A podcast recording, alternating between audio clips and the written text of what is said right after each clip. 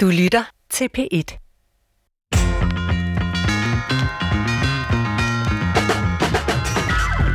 Gennem hele 2020 har vi diskuteret corona, og det er vi jo desværre ikke færdige med endnu.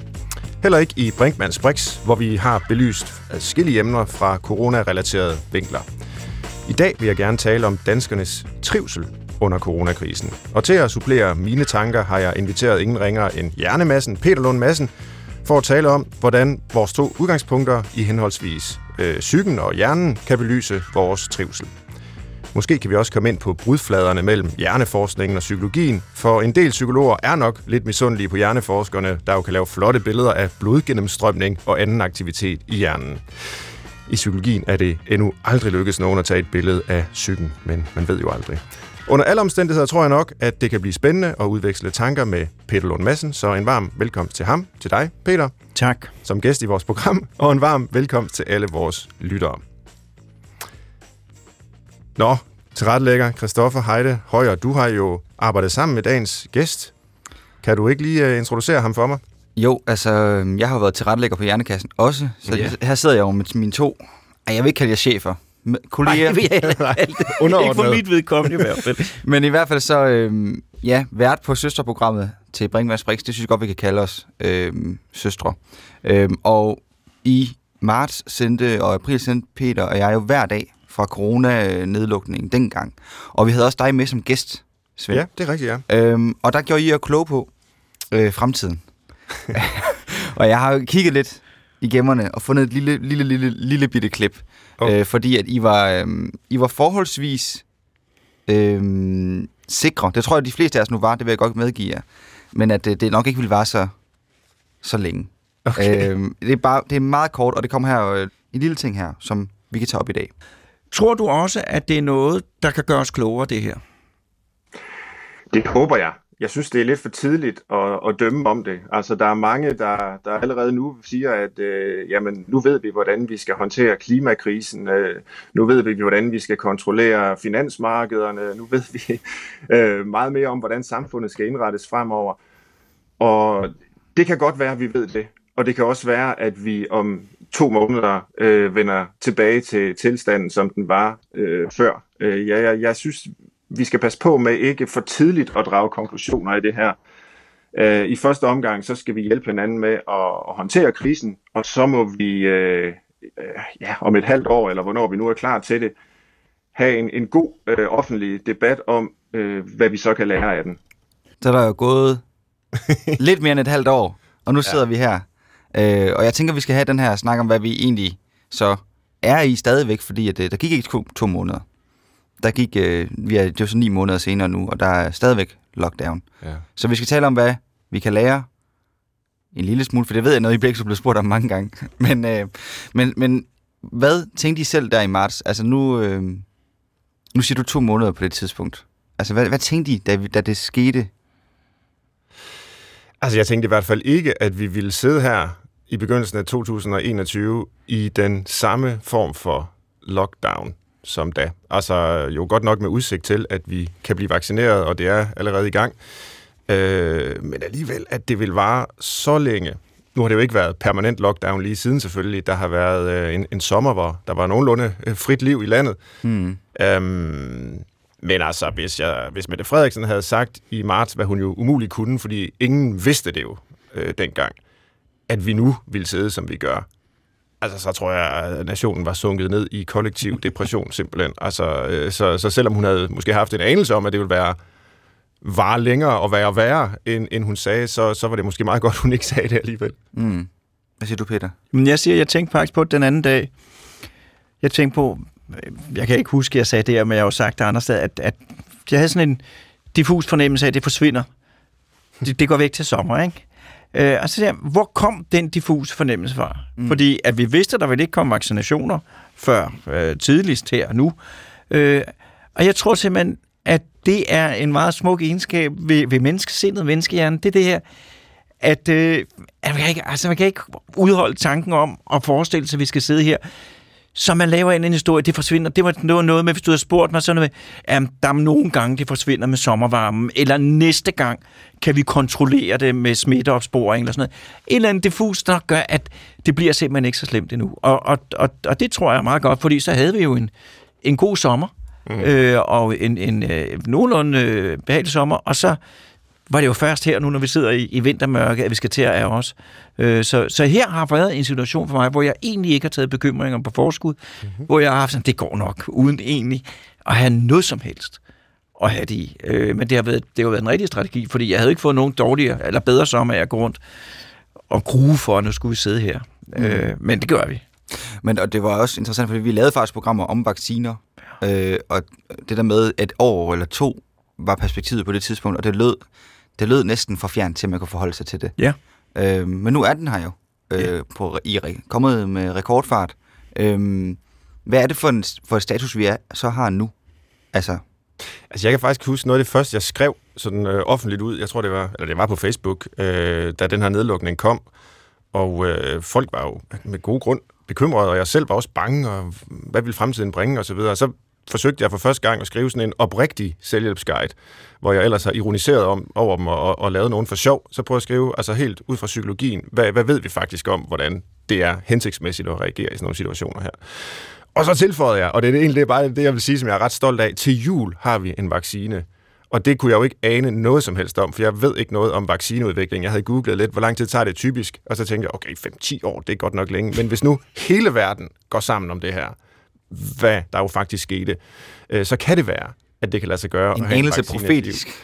Ja, det var jo ren held. Øh, men øh, der tog jeg så, ligesom Peter siger, heller ikke bekymringen på forskud, fordi det kunne jo lige så godt have været, at vi ikke havde haft en vaccine. Det kunne have været, at der slet ikke kunne laves en vaccine. Der findes jo øh, vira, man ikke kan vaccinere mod. Det kan vi så heldigvis mod den her, og det er gået meget stærkt.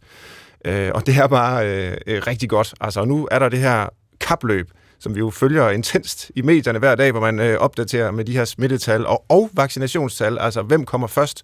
Er det den britiske øh, mutantvirus, øh, måske støttet af den sydafrikanske, og hvad der ellers vælter ind over, eller er det vaccinationen, der når at blive rullet ud? Øh, altså udover at det jo er altså ekstremt øh, alvorligt, så er det jo sådan set også en lille smule spændende. Det er det. Altså jeg har jo gennemgået, og det tror jeg mig, jeg har jo gennemgået mange faser i det her.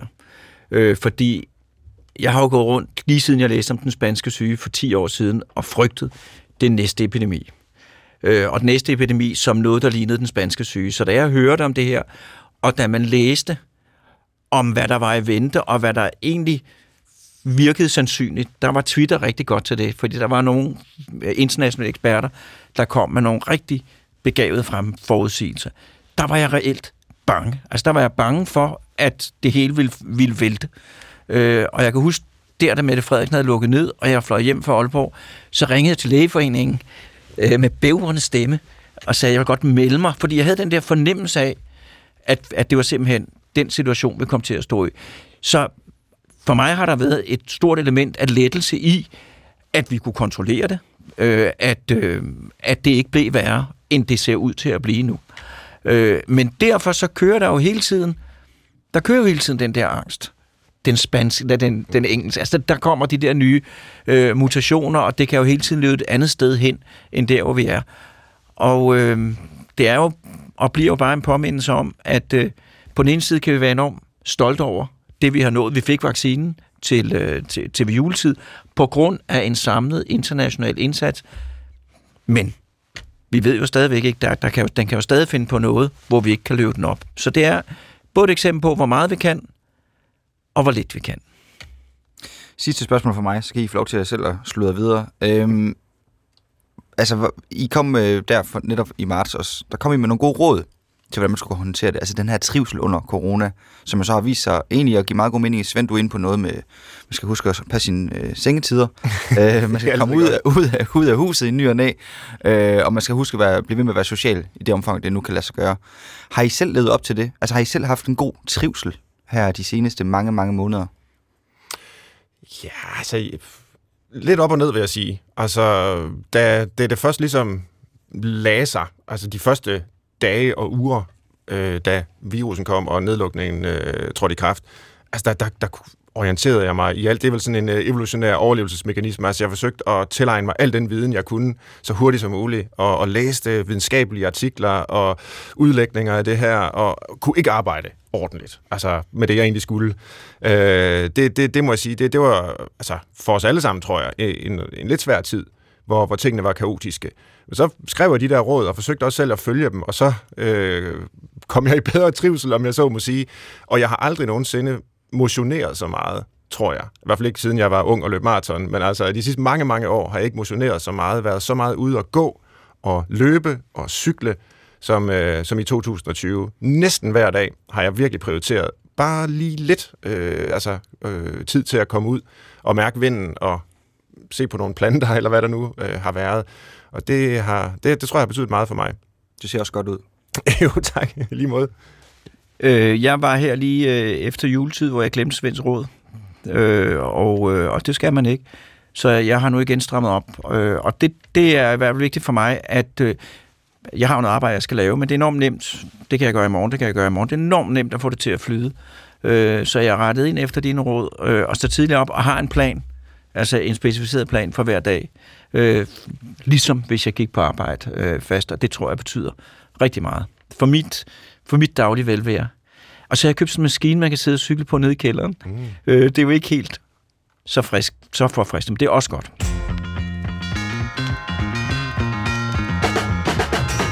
Vi er allerede godt i gang her med Brinkmanns Brix, hvor gæsten i dag er Peter Lund Madsen, og emnet er trivsel under corona.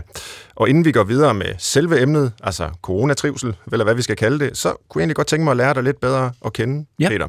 Du øh, plejer jo altid at bede dine egne gæster i programmet Ja. om at introducere sig selv, så måske kan jeg bede dig om det samme her. Ja. Hvor kommer du fra, og hvorfor blev du læge? Hvad? Det, det er har du det værste, jeg ved, men det, det jo spørger alle, det er fuldstændig rigtigt. Øh, jeg kommer fra forstederne. Øh, de københavnske forsteder, først var det Mørkhøj, øh, og så var det Sorgenfri, øh, og øh, nu det skal nok være at gøre det for alt for langt, men, men, men både min mor og far er første generations indvandrere fra landet, henholdsvis Falster og Jylland. Øh, så, så det bringer jeg i hvert fald også med mig. Øh, og så fordi at min mor og far, deres store gave i livet, det var jo, at de fik en uddannelse. Mm. Øh, min far så han slap for fysisk arbejde, og min mor, så hun kom til København. Øh, så vi er jo altid blevet opdraget med uddannelse. Mm. Hvis du ikke får en uddannelse, så dør du. Så er du som grøftegraver. Øh, og så jeg fik en uddannelse, og, jeg, og, og, og, øh, og så har det jo sådan set, så jeg blev læge, det var jeg rigtig, rigtig glad for, og så øh, er en hel masse tilsigelser, vi kan lave et, noget andet om, så, så, så begyndte jeg at lave radio, og fjernsyn først. Øh, og det har jeg jo så gjort de sidste mange år. Øh, og det er jeg også meget, meget godt tilfreds med. Det er jo sådan meget slatten, kortfattet Nej, men det, øh, øh, det beskrivelse af mening, mit liv. Men hvorfor skulle du lige være læge? Det var, jeg kan tydeligt huske den ting, hvor jeg selv mener, jeg oplevede det for første gang. Min mormor var, mormor var syg af kræft, og hun var virkelig syg. Og så fik jeg bare sådan fuldstændig øh, nedslag. Jeg ville være læge, og der var jeg 10 år siden da. Der var det, det var det, jeg ville. Og jeg var ikke i tvivl to sekunder. Øh, og lægestudiet, og de første år som læge, det var en, det var en opfyldelse mm. af en drøm. Øh, og det var en gave at få i livet. Virkelig at føle, at det er det her, jeg skal. Øh, så, så, så, så, så det, var, det var en gave, jeg fik, at det var det, var det jeg ville. Altså fordi det er nyttigt, eller hvad? Øh, det, det Ja, kan men hjælpe den, mennesker. den smukke eller- historie, det er jo, altså, og det er jo, den, er jo ikke, den er jo ikke 100% forkert, men den er jo ikke 100% sand, men den smukke historie er jo, at jeg gerne vil hjælpe mennesker. Ja. Det er helt klart, det var et centralt element i det. Men der er jo også elementer i, at det giver fin prestige at være læge, og, øh, og hvis du siger, at jeg skal læse medicin, eller hvis du læser medicin, så får du en helt anden reaktion, hvis du siger alt muligt andet. Så det kan jeg ikke, altså, der er også et element af forfængelighed i det, men det var, øh, det var ud fra et ønske om øh, at, øh, at ville hjælpe. Ja. Men, øh, men, men det viser sig jo, at jamen, nej, det er jo sådan en lang indviklet diskussion. Men hvorfor så lige hjernen? Altså, fordi så kommer jo Ja. igennem øh, alle kroppens bestanddele ja. og de forskellige systemer. Hvorfor ikke peristaltikken eller... Ja. Øh, Det er der en konkret historie. eller- Det er der en helt konkret historie. Det er Flemming, det er Flemming Gærs skyld. Øh, fordi at dengang jeg læste medicin, hjerne, det var hjerneanatomi, neuroanatomi, det var kedeligt, og det var besværligt. Mm. Så det havde jeg ligesom sat hen. Alt, der havde med hjernen at gøre, havde jeg sat hen til senere. Og så var vi til prøveeksamen øh, øh, der, hvor, det år, hvor vi skulle blive til lærer, og jeg var på Flemming Gær, som nøve, var neurokirurg, og det gik frygteligt dårligt. Og så sagde han, du bliver slagtet, hvis du kommer op øh, i neurologi. Og så sagde jeg, man kan altid nå at læse det op. Det der kan du ikke nå at læse op, sagde han. Okay. Og så læste jeg jo specielt på det, og så kom jeg op i neurologi. Øh, og så fik jeg 13, øh, og så fik jeg ansættelse på neurologisk afdeling. Og der var det igen faktisk som det med at blive, være læge. Da jeg så var kommet ganske kort ind i det, jeg sad ude på Lyngvej 8, og så kom det til mig fuldstændig, jeg skal være hjerneforsker. Og det var en lige så ren øh, ting, og det har, jeg har aldrig fortrudt, at det var det emne, der blev indgangsvinklen, fordi som du selv ved, altså det, det kan føre næsten alle vejen hen. Mm. Og du har så haft en karriere, øh, ja, altså dels jo øh, som læge, Ja. men sidenhen som Ja. formidler og, hvad kan man sige, offentlig øh, hjernemand Ja. i Danmark, og har gjort rigtig meget for at udbrede kendskabet øh, til os alle sammen, vedrørende hjernen og hjernesygdomme og hukommelse, alt muligt har du, har du Ja. skrevet om. Så du har kigget meget ind øh, i os, altså på det, der er inde i hovedet. Men hvis du nu her skal kigge på det, der er uden for hovedet, Ja. det land, vi lever i, og den situation, vi er i Ja. med, med coronakrisen, hvad, hvad ser du så? Jamen, så synes jeg, så tror jeg, at den her periode i vores land er en periode, vi kommer til at se tilbage på. Han bliver helt rørt, men det er ikke, det er ikke fordi, men jeg tror, vi kommer til at se tilbage på den med tilfredshed og stolthed. Mm-hmm. Øhm, og det tror jeg, at vi gør, hvis nu forudsat, at det går, som vi planlægger og håber på. Det kommer vi til at gøre, fordi at vi egentlig har klaret det rigtig godt. Øh, vi, har, vi har holdt sammen, øh, og vi har gjort, som vi skulle gøre. Masse historier om unge, der har festet for meget, folk, der har hamstret. Men du kan ikke forvente, indtil videre kan du ikke forvente, øh, så store grupper af mennesker skulle opføre sig så fornuftigt og samlet. Øh, og det tror jeg vil blive historien, mm. hvis det ikke går galt. Øh, tror jeg vil blive historien. Øh, og øh, jeg har jo også, altså, som det, den situation, vi befinder os lige, lige nu, hvis det går, som vi håber, den er jo sur og kedelig, men den er jo også udholdelig. Altså, vi har en tidshorisont, øh, og der er ikke nogen, altså, det er ikke, det er ikke nogen umenneskelige ting, vi er sat på. Så, så, så jeg tror, at vi vil se tilbage på det med stolthed, og så tror jeg også bagefter, der vil komme, sikkert specielt hos de unge, sådan en, hold kæft, hvor er det godt, det er slut. Mm. Øh, at der er rigtig mange ting, som vi bagefter vil finde ud af, var langt mere anstrengende, end vi egentlig lige tænkte over, mens vi var med i det. Altså det der med, at man ikke ser nogen. Det der med, at, at i en vis forstand, så går tiden bare, øh, uden vi kommer så meget videre, socialt set i hvert fald. Hvad synes du egentlig om de her, øh, fordi nu siger du, vi vil forhåbentlig formentlig se tilbage på, på tiden som en, hvor vi, hvor vi klarede det godt som land. Men det er jo ikke alle, der er enige om det. Altså, hvis man skriver noget, noget rosende om den danske håndtering af, af pandemien, så er der altid nogen, der siger, jamen øh, i Norge har de langt færre døde Ja. indbyggere, og i Finland klarer de sig også bedre. Og så er der selvfølgelig også mange lande, Belgien og Sverige og så videre, som, som, som har flere døde og klarer sig dårligere på den måde, måske også økonomisk. Men, men den her sådan sammenligning landene imellem, som jo egentlig er på den ene side både relevant, fordi vi skal lære af hinanden og hvad virker bedst, men også nogle gange synes jeg i hvert fald sådan lidt en usmagelig konkurrence, også fordi det er så ekstremt forskellige sundhedssystemer og befolkningsgrupper og alt muligt er forskellige har- i landene. Så hvad, hvad synes du om hele den her sammenligningskonkurrence? Det er meget ubehageligt. Og jeg synes, det er, det, det er også meget dumt, fordi Danmark og de andre skandinaviske lande, vi har jo enormt fordel ved, at vi er enormt registreret og enormt velordnet. Vi har et, altså alle mulige ting. Vi har så mange ting, der kører for os, som gør det nemmere for os. Og der, hvor jeg specielt har været ked af det, og som virkelig generer mig, og det er noget, der skal repareres på, det er forholdet til Sverige. Mm. Altså, hvor der har været en periode fra dansk side, øh, hvor vi var så hånlige og så ubehagelige i vores tone, øh, og hvor der nu, tror jeg på en eller anden måde, er en tilbageærgelse fra svenskernes side. Og jeg synes, både her under den her konflikt, også generelt, jeg synes, det dansk-svenske, jeg mener det virkelig, det dansk-svenske forhold har fået lov til at køre et dårligt sted hen, hvor det ikke hører til. Og jeg synes virkelig, at man skal gøre en indsats fra Danmarks side, og selvfølgelig også fra Sveriges, senest når det her er overstået, og virkelig prøve at reparere på det, fordi vi er naboer, vi har en, alle mulige til fælles, og tonen er alt for, alt for dårlig nu i forhold til, hvad den burde være, og vi er medskyldige, fordi vi var simpelthen så ubehagelige at høre på, øh, da vi skulle sammenligne os mm. øh, med, øh, øh, hvor, hvor slemt det var i Sverige. Ja. Øh, og det er ikke i orden. Hvornår tror du, vi kan skrive konklusionerne om, hvem der har klaret sig bedst og hvorfor? Altså, fordi det er klart, at der vil komme en lang periode Øh, nu har vi jo stadigvæk øh, pandemien, ikke? Men, men der vil komme en lang periode, hvor der virkelig skal evalueres. Øh, nu sagde jeg i klippet, vi hørte tidligere, at øh, det dengang var for tidligt at drage konklusionerne. Det er det nok stadigvæk. Altså jeg kommer lidt i tanke om den her kinesiske politiker under Mao, som blev bedt om, eller dengang, jeg, jeg tror ikke, det var Mao selv, ikke? men han blev bedt om at forholde sig til den, og vurdere den franske revolution, hvor han så sagde, at det er alt for tidligt at vurdere. Øh, det, det må tiden ligesom vise.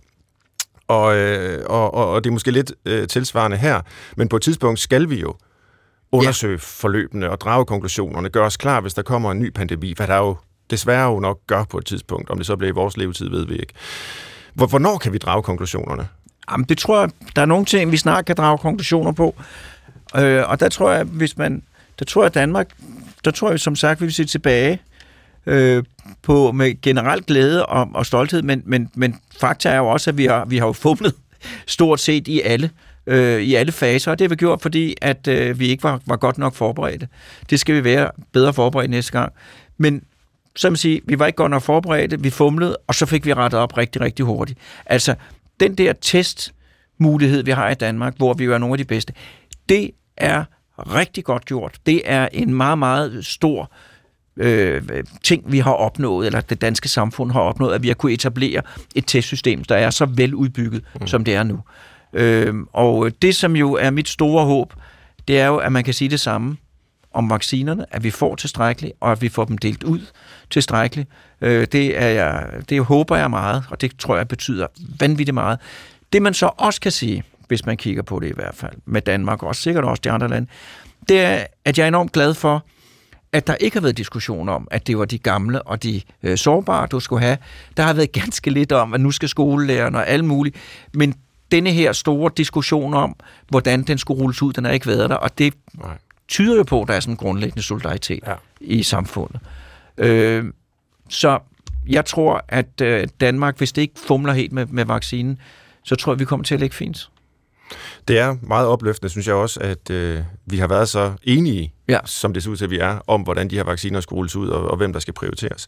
Men er der nogen eller noget, vi i øvrigt har overset? Øh, nogle samfundsgrupper, nogen vi har glemt, nogle perspektiver på vores trivsel i løbet af det her forgangne coronaår, som du ser det? Jamen, jeg tror nok, at jeg har... Øh, jo, jeg tror, jeg tror nok, at at der er nogen, der har betalt en højere pris, end jeg lige umiddelbart havde tænkt, fordi jeg har været for dum. Øh, og det var i går, jeg fandt ud af det. Ikke? Og det er jo det, er det her med, at, at så har man læst i politikken om alle mulige unge mennesker, der jammer over, at, at de ikke fik lov til at feste og tænker, hold nu op mand, dengang jeg var ung, der, der spiste vi, slog vi på sten, og, altså alt muligt. Ikke? Øh, og det er mig, der har taget fejl. Øh, fordi at det, der jo er specielt ved ungdomstiden, øh, i forhold til, når man er blevet øh, ikke er ung længere, det er jo, at hvert år tæller. Altså hvert år er et specielt år, øh, derfra man er 15 til man er 23 eller et eller andet. Ikke? Det er forskelligt hvert år. Ikke? Det er forskelligt. Ja. Der sker noget fuldstændig. Det står hos os printet ind. Første G, anden G, eller hvad nu mm. man har lavet. Det er helt... Og den tid er blevet lavet til mere pølse. Noget, der er ens. Øh, så det synes jeg er... Der har jeg betalt lidt en pris der. Øh, og så synes jeg, så tror jeg, at der er rigtig mange gamle mennesker, der har siddet øh, isoleret, øh, bange øh, og ikke rigtig kunne gøre noget. Det, det er sådan nogen som os, der er her i studiet, der har haft nemmest ved det. Mm. Øh, og så er der en masse mennesker, der er gået nedenom og hjem. Vi hører om det, vi hører ikke så meget. Der er en masse, masse mennesker, der er økonomisk kastet ud i noget, hvor de har fuldstændig øh, mistet deres levebrød, uden skyld, uden de kunne planlægge. Øh, øh, og, øh, og det er jo selvfølgelig også, altså det er jo, det er jo, det er jo altså, øh, ja, det, det, det, der er nogen, der betaler en stor pris. Mm. Så det er ikke på den måde nemt.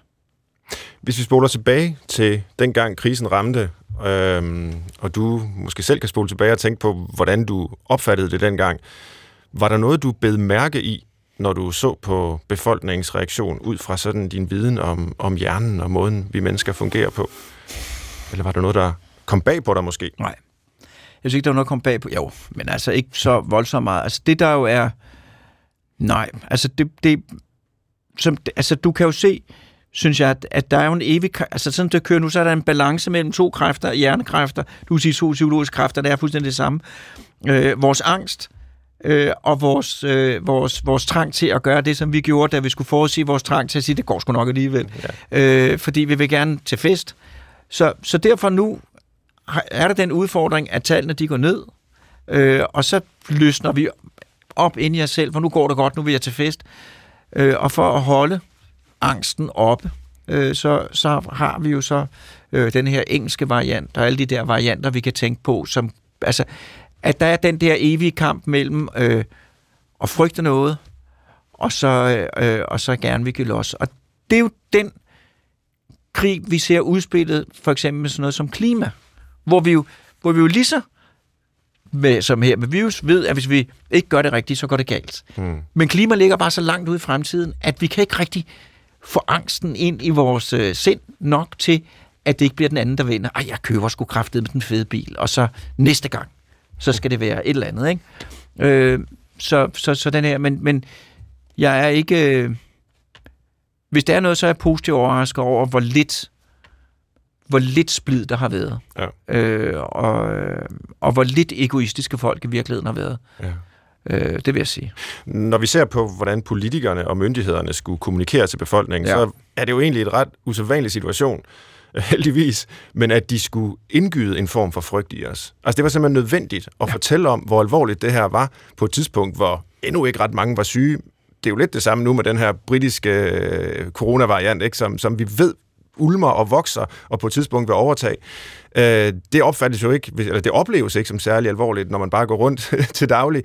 Men øh, de er nødt til at indgyde en frygt gennem kommunikation, samtidig med, at de skal berolige os. Altså, at det nok skal gå. Det er jo også noget, vi skal, så vi ikke bare bliver lammet.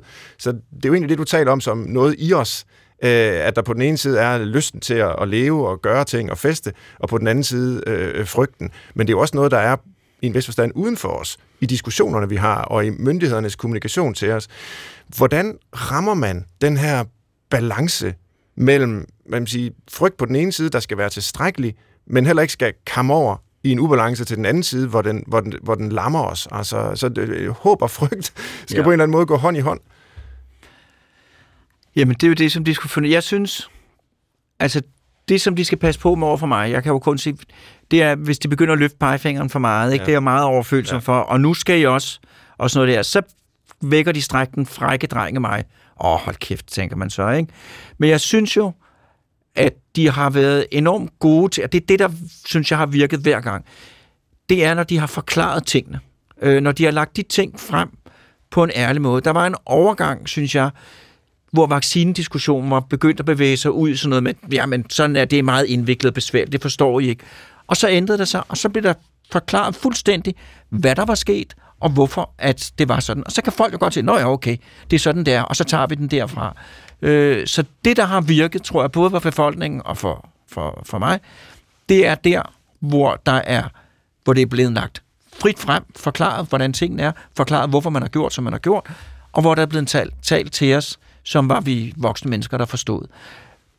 Så, øh, og det synes jeg med visse smutter, at, at myndighederne og regeringen har været rigtig gode til. Og der er det jo også igen en, altså det er jo en gave at bo i et land, hvor at man som det naturlige verden går ud fra, at myndighederne, øh, at, at de taler sandhed. Mm. Jeg greb mig jo selv, jeg var jo i Japan, der har været mange gange, og der går de alle sammen rundt med mundbind. Og så var der en gang, så tænkte jeg, hvorfor går de rundt med mundbind? Sundhedsstyrelsen siger jo, det ikke virker. Altså det, altså det der, hvis Sundhedsstyrelsen siger det, så er det jo bare sådan, der. øh, og den tillid, det er en, en gave, og den har vi kun, og nu skal jeg ikke lyde fedt, men det er jo rigtigt, vi har den jo kun, den tillid, fordi den i langt de fleste tilfælde er berettiget, mm. og den er berettiget, fordi at det er sandheden, der bliver fortalt. Ikke? Altså, det er sådan rimeligt simpelt på den måde. Hvor lang tid tror du, at vores frygtniveau kan holdes Ja, oppe? det er så må sige, godt spørgsmål. Fordi, altså, vi ved jo også, både fra, ja, fra hjerneforskning og psykologi, at øh, jamen, vi kan godt ligesom få ind podet en frygt. Øh, det er jo sådan helt evolutionært, ikke? Man går ned til et vandhul, så kommer der nogle dyr og, og truer ind, nogle farlige nogen. Så ved man, øh, okay, der skal jeg så ikke gå ned igen, fordi der er dog bare nogle farlige dyr, der også gerne vil drikke fra det her vandhul. Men hvis man så igen og igen ser, at de her dyr faktisk ikke kommer, altså det var, det var måske en enkeltstående episode, jamen så aflærer man jo frygten. Øh, og og heldig, har- heldigvis kan man sige. Men, men, men i den her situation, så går de fleste af os jo trods alt rundt, uden at blive ramt. Øh, det er øh, for mange, der er døde af coronavirus, men trods alt, jeg sige, som stort samfund, vi jo nogle gange er, et relativt lille antal, Øh, Øh, så når man ikke mærker, du sammenligner selv med, med klimakrisen før, ikke? Altså, når man ikke hele tiden mærker farligheden, kan vi så fortsætte med at være bange? Nej, det kan vi ikke. Og du kan jo, du har jo lavet et eksperiment nu. Hvis nu forestiller os det lykkelige, der sker, der kan ske det lykkelige, ikke? At, at vi holder smittetallene meget, meget lave, ikke? Her. Fordi det vil det jo blive, hvis vi bliver med at gøre, som vi gør. Og så kan det være rigtig lavt i rigtig lang tid. Og så se, hvor længe at man kan holde alarmklokkerne bimlen, når det bare ser, ser godt ud. Ikke? Øh, og det, der jo har været et pædagogisk vanskeligt ting, det er jo at skulle forklare det her med eksponentiel vækst, fordi det er mod vores intuition. Det lykkes ret godt. Øh, men men, men hvis, hvis vaccinerne ikke kommer, øh, så er det et åbent spørgsmål, hvor lang tid, at man kan holde folk øh, på det her. Øh, også fordi, som du siger, for os tre, der sidder herinde, så er det måske ikke døden, vi risikerer, så risikerer vi bare øh, noget rigtig, rigtig ubehageligt. Ja. Øh, så, så, så det er det er noget, som, som psykologisk set er meget interessant. Fordi ja. det er det er tidsbegrænset. Tror du, der vil komme øh, flere oprør? Det er jo selvfølgelig fuldstændig gratis at spørge om, men også at give et bud på. Men der, der har jo været sådan små tendenser ja. til demonstrationer og øh, sådan grupperinger, der siger, at vi vil ikke leve under de her forhold længere. Vi er for frihed og imod øh, regeringen og sådan nogle ting. Men, det har jo trods alt været relativt ja. små grupperinger, og jeg har indtryk af, at der fortsat er stor opbakning. Men øh, tror du, det vil være ved?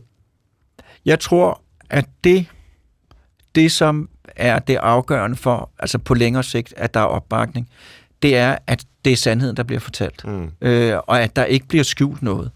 Øh, fordi Øh, jeg synes godt, at befolkningen har kunne demonstrere, at de, de kan godt forstå en sandhed, der består af mere end én besked. Ja. Øh, og de kan godt forstå, eller vi kan godt forstå, at, at der er nogle beslutninger, som, som, som bliver truffet, og så kan man ikke vide, hvad der er rigtigt, man træffer.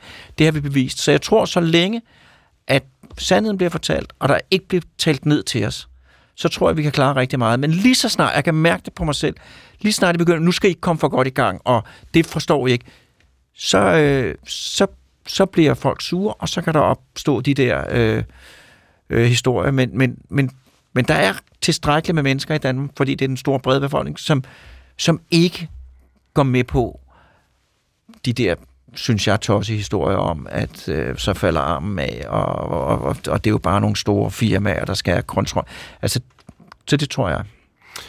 Har du, Peter Lund Madsen, noget bud på, hvornår vi kommer tilbage til noget, der er normalt? Jamen altså, det vil jeg godt. Jeg kan, jeg kan bare prøve igen. øh, jeg vil sige, øh, der er flere forudsætninger, der skal være opfyldt. Men hvis vi nu, hvis nu at øh, regeringens vaccinationsprogram øh, bliver, kan udføres, øh, hvis der bliver vacciner nok til, at befolkningen, også den unge del af befolkningen, er færdigvaccineret i september, så er det der, hvor det er helt klart. Men hvis i det øjeblik, og det er sådan et stort grænsepunkt, der kommer, og jeg ikke rigtig ved, hvad man skal gøre ved. Det er godt, det ikke er mig, der skal bestemme. Men der opstår jo et tidspunkt, hvor dem, der har høj risiko for at blive kritisk syge, dem, der har høj risiko for at dø, at de er færdigvaccineret. Og hvor man derfor vil se hospitalsindlæggelser med en vis forsinkelse, men også dødsfald med en vis forsinkelse, falde. Men hvor der stadigvæk er en masse uvaccinerede i samfundet. Der vil det være svært at holde folk inde. Ja. Øh, der vil det være svært at holde, holde orden på tropperne, øh, fordi at man er oppe mod noget helt andet. Så der ved jeg ikke, hvad sker. Og, og hvis det kører igen efter planen, så vil det tidspunkt indtræffe i april-maj på et eller andet tidspunkt der, tror jeg. Mm. Men bør man øh, fortsætte med restriktionerne, når de sårbare grupper er vaccineret færdige? Det er et spørgsmål, der er en masse matematik i, som man skal være... Altså, det, jeg siger nu, det er amatørsvar. Det, jeg siger nu, det er et amatørsvar. øh, der er folk, der ved meget mere om det, end jeg gør. Mange, mange. Øh, øh, jeg vil sige, at, øh, at jeg tror stadigvæk, det kan blive en stor udfordring, øh, hvis man med halvdelen af befolkningen uvaccineret, hvis man lukker fuldstændig op. Øh, fordi selvom det kun er en lav procentdel af dem, der bliver smittet, der, der bliver syge, så vil det stadigvæk... Altså jeg tror, at øh, hvis jeg skulle bestemme, øh, umiddelbart, så vil jeg lukke relativt langsomt op. Nu har vi siddet saftsusmer og, og, øh, og, og, og, og alt muligt i fire måneder, så kan vi også godt tage fem måneder. Ja, det for... Sådan vil jeg sige det. Ja. Tror du så, genåbningen bliver som i foråret? Sådan den her øh, trinvise? Ja, det ud tror fra, Ja. Ja, sådan, Og det bliver jo dejligt. Øh, bare lidt. Øh, øh, øh, og så, øh, så håber jeg, at der er nogle ting, der holder ved jo, at vi ikke skal til at, at, at, at kramme og, og give hånd og alt muligt. Men det, det er en anden ting.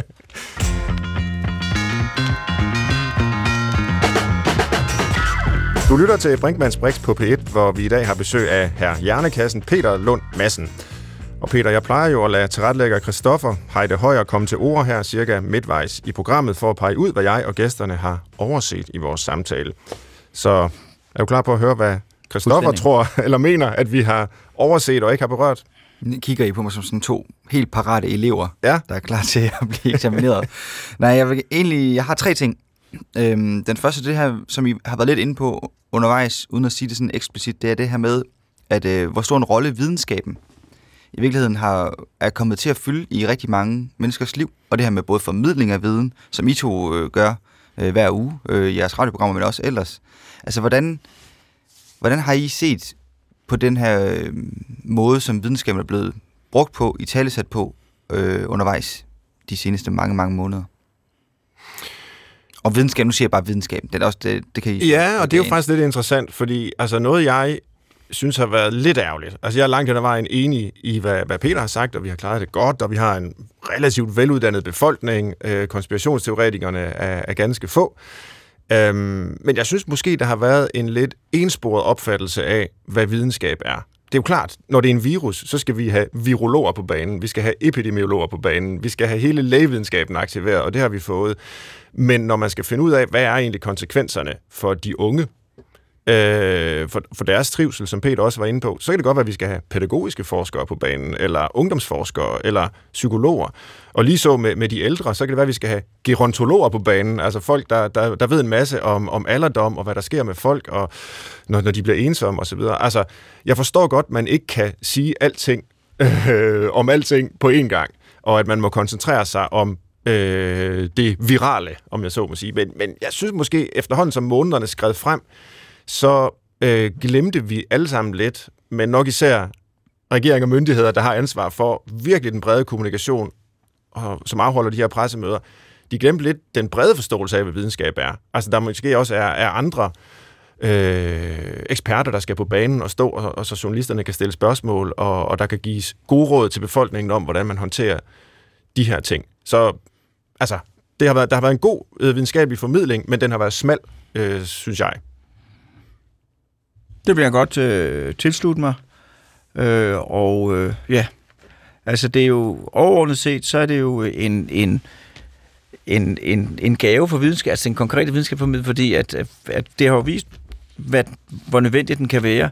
Øh, men det, det er jo det, der jo tit sker i, øh, i mediebilledet, det er jo det der, så kommer der nogle eksperter, der kommer en tilgang, øh, og det har jo meget været øh, de daglige biologer. Øh, hvordan ser du på tallene?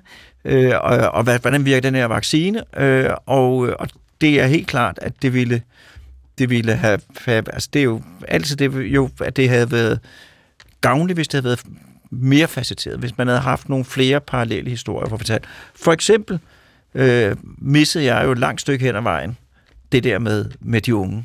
Øh, og, og der er jo masser, der kunne have været på banen med det. Øh, og man er jo heller ikke, altså hele den, det er jo noget, som jeg stadigvæk føler mig uoplyst omkring. Hvad betyder det her for dem, der har gået i gymnasiet eller i skole under den her periode? Kan de gå til eksamen, eller hvad gør man? Altså, hvad, hvad, det der, det er, jo, det er jo heller ikke noget, vi har hørt særlig meget om. Som der må være nogen, der har gjort til tanker om. Mm-hmm. Hvad betyder det for, for en skoleklasse, der har siddet hjemme halvdelen af, af skoleåret?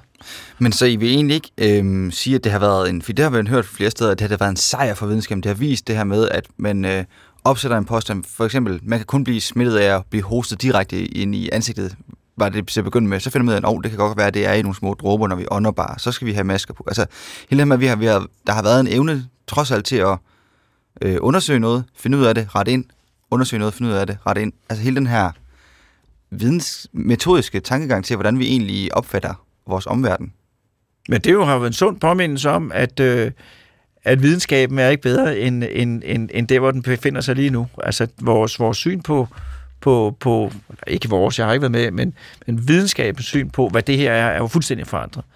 Øh, og det synes jeg jo ikke, det er jo ikke, det er jo ikke noget, folk har, har protesteret imod.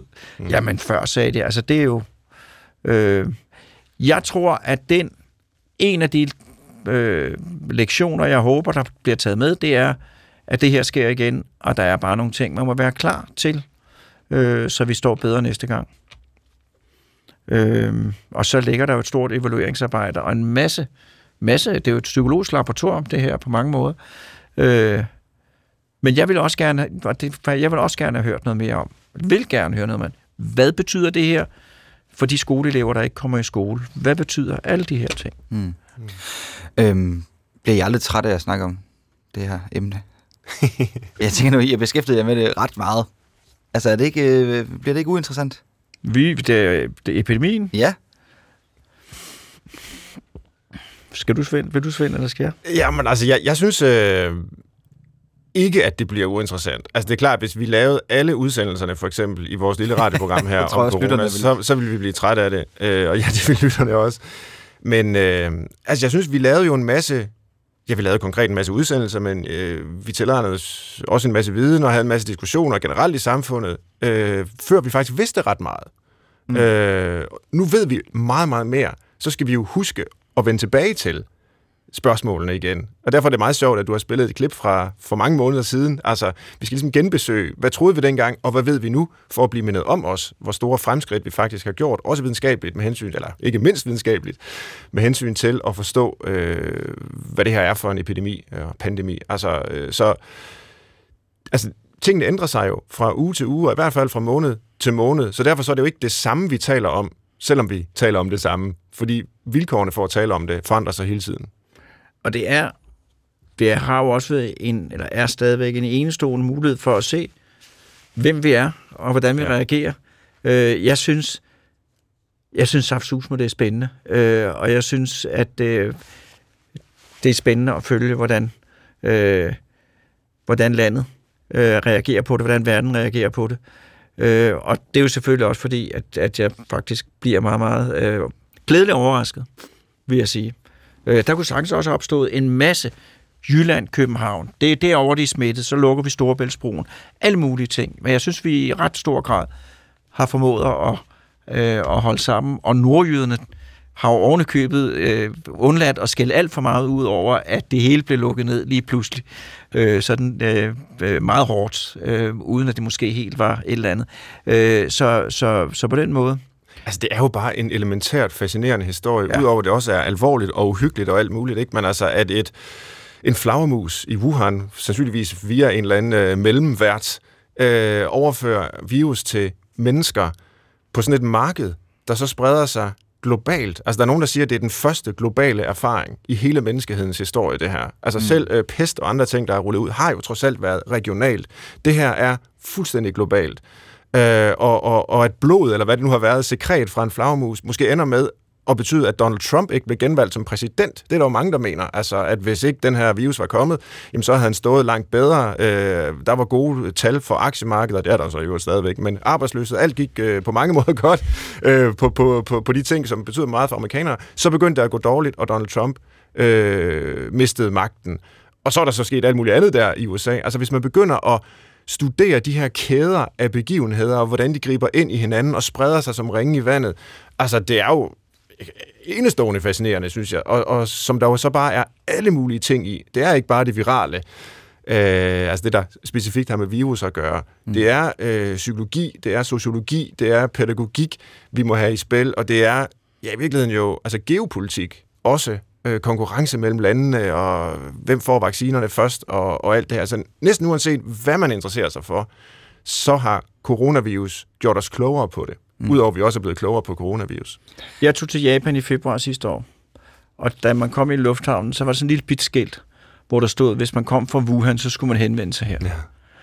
Så tog jeg hjem fra Japan tre uger senere. Der var jeg lidt i tvivl om, der ville være ballade i lufthavnen i København, fordi jeg kom fra Japan. Ikke?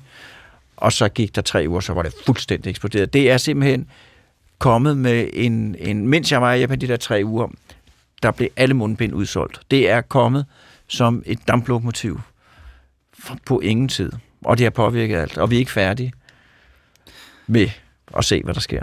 Men kan vi så, som du var lidt inde på der øh, i det klip, jeg spillede fra, fra marts, kan vi tage det videre til de, nogle andre kriser? Altså, Ja. der, uh, der er helt sikkert blevet komme til at komme tilbage på dagsordenen. Klima, flygtninge, økonomi. Øh, altså, der kan være masser af ting, som vi kommer til at skulle zoome ind på, når det her det begynder at have lagt sig. Måske burde vi allerede zoome ind på det. Kan vi tage det med? Kan vi tage nogle læringsråd øh, råd med? Ja, jeg synes, den er svær.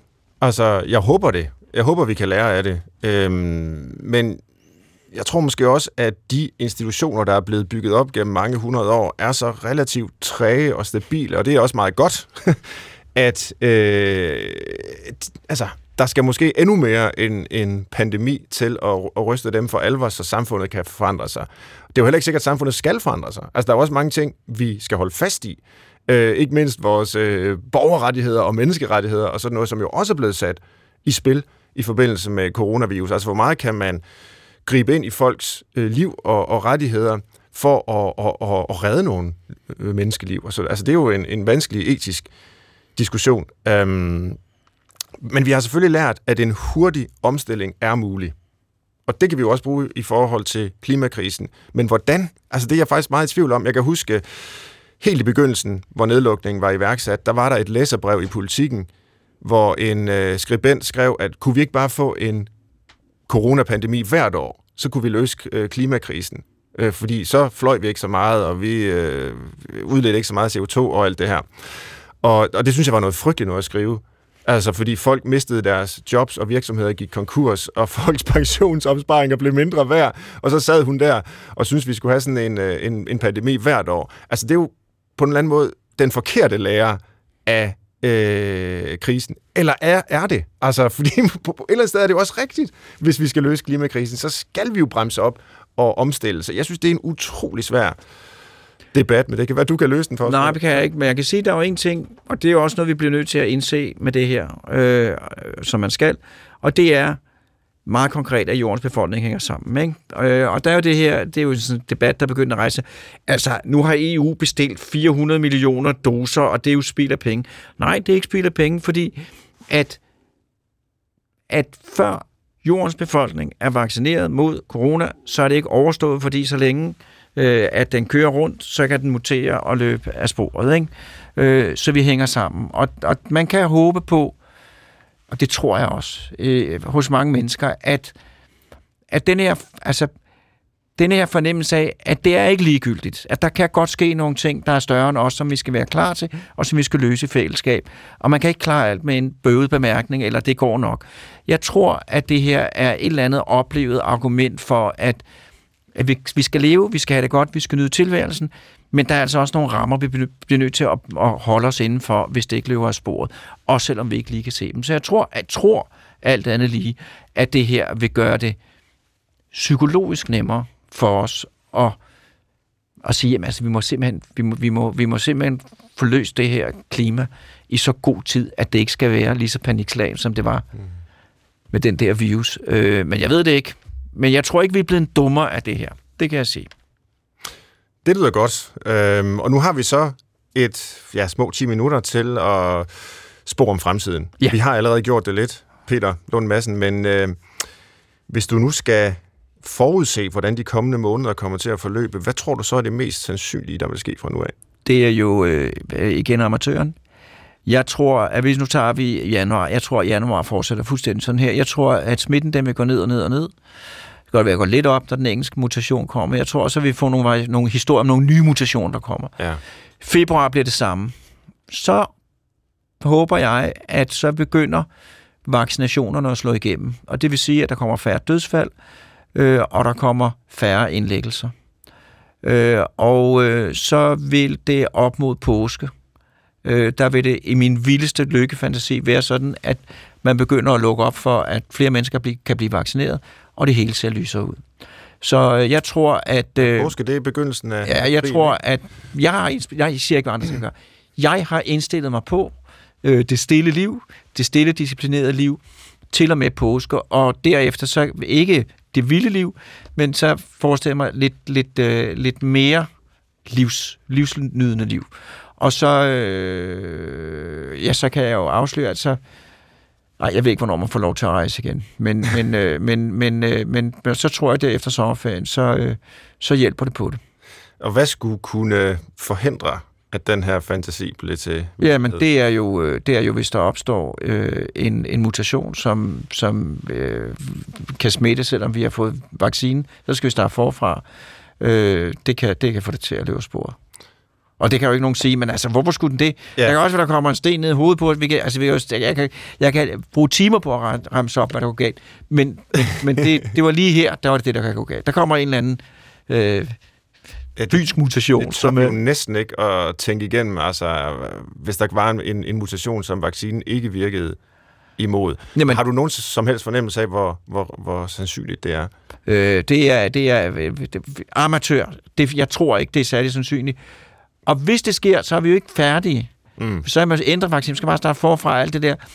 Øh, det skal nok gå, men vi er jo ikke... Altså, vi er jo bare mennesker, og det er det er naturen. Øh, og, øh, og den er også, den er også rigtig smart. Øh, men jeg tror, jeg vil godt, jeg vil, jeg vil godt, øh, altså, øh, jeg, jeg tror, øh, og jeg, jeg tror vidderligt ikke på, at det sker. Øh, og hvis jeg troede, det skete, der var en, så ville jeg opføre mig på en anden måde, end jeg gør. Hvordan? Jeg har, jeg, har, jeg har en ven, som interesserer sig meget for aktier. Han skrev til mig i går og spurgte, om man skulle sælge alle sine aktier, øh, øh, fordi at hvis nu der kommer mutation, så bryder det hele jo sammen, øh, øh, og så ville det være godt at, at, at være gået kontant. Øh, og jeg råder aldrig folk til noget med aktier, men, men hvis jeg havde aktier selv, så ville jeg ikke sælge mine aktier, for eksempel. Nej. Også fordi, jeg tror simpelthen, jeg tror, jeg tror, det er meget, meget usandsynligt. Men man kan ikke sige det. Der kan også komme en ny der kommer en ny sygdom. øh, øh, ja, en ny influenza. Og den, altså, den, sådan er det jo hele tiden. Ja. Men det, der bare er sagen, det er, vi er langt bedre rustet i dag, end vi var for 100 år siden. Mm. Og om 10 år, 20 år, hele tiden går vi op i et større og større niveau af kontrol. Men vi får aldrig den fulde kontrol, tror jeg. Du var inde på lidt før, at øh, der var du inde på, at, øh, at der er måske nogle ting, vi heller ikke skal, skal have tilbage, altså kram og håndtryk og sådan noget. Hvordan er din holdning egentlig øh, til det? Tror du, vi får den slags? Ja. Jamen, det er jo kun fordi, at jeg, jeg er krammehader, og det skal jeg jo ikke øh, presse ned over hovedet på, på andre folk. Men jeg tror, altså det der jo også er sket her under det her, det er jo, at influenza er forsvundet. Ja. Og hvis I lægger mærke til det, de der, alle de der små forkølelser, der ikke blev til noget, jeg har ikke haft dem. Øh, så jeg tror, og opfordrer skarpt på, at vi opretholder nogle af de her ting. Øh, ikke det hele, langt fra, men nogle af tingene, øh, for at undgå influenza og en masse sygdom i, i løbet af vinterperioden. Øh, men, men, men jeg ved godt, at folk de, øh, de, øh, de vil begynde at kramme. Men jeg leger med tanken om at sige, jamen jeg giver ikke hånd øh, og så finde på noget andet og sige, det er så min... For det, og hvis jeg havde gjort det for, for et år siden, så ville jeg blive opfattet som tosse. Nu bliver jeg bare, så tror jeg bare, at jeg bliver opfattet som lidt sippet, og det kan jeg godt ja. leve med. Oh, jeg må godt nok sige, jeg, jeg, jeg synes, det, det ville være tab, hvis håndtrykket forsvandt. Jamen, jeg ved det godt. Altså, det er, det er jo fra vikingetiden, altså. Det går så langt det. tilbage, og ja. Men, men jeg, jeg kan jo helst, når jeg er ude og holde foredrag, så, så er jeg ved at vaske hænder, og så kommer der en, det var spildt. øh, men det er også fordi, jeg ved, hvordan, hvordan det spreder sig. Ikke? Men altså, Øh, Tror du egentlig ikke, at et håndtryk er en større smittespreder end et kram? Jo, ja. det er jeg ret sikker på, det er. Det er simpelthen øh, at, at, at udveksle øh, alt, hvad der er der, smasket. Ja. Det sidste, vi lige skal nå, det er programmets faste afsluttende element, som er listen. Vi formulerer sammen øh, ja, ved, fælles hjælp. Nu må vi se, jeg har i hvert fald nogle bud med, men tre gode råd til at få det maksimale ud af den sidste coronatid. Nu har du... Øh, forudset, at der vil være en, to, tre, ja. mindst formentlig, måneder, som er lidt vanskelige, med nedlukninger og... Stille og rolige måneder, kan jeg Stille og rolige måneder. Er det, er det sådan, man skal se på dem og få ja, det, tror jeg. ud? Altså ved at opfatte dem som stille og rolige måneder? Man skal sige, sådan er det. Og man skal ja. være rundt og, og, og, og, og, og håbe på noget andet, for så bliver man bare skuffet. Det tror jeg god situation at, at bruge det råd. Og så, så håb, nu skriver jeg lige ned ja. her, så vi laver en liste. Øh, håb ikke. Håb ikke. indstiller, meget. indstiller på sådan her. Sådan ja. er det, ikke? Ja.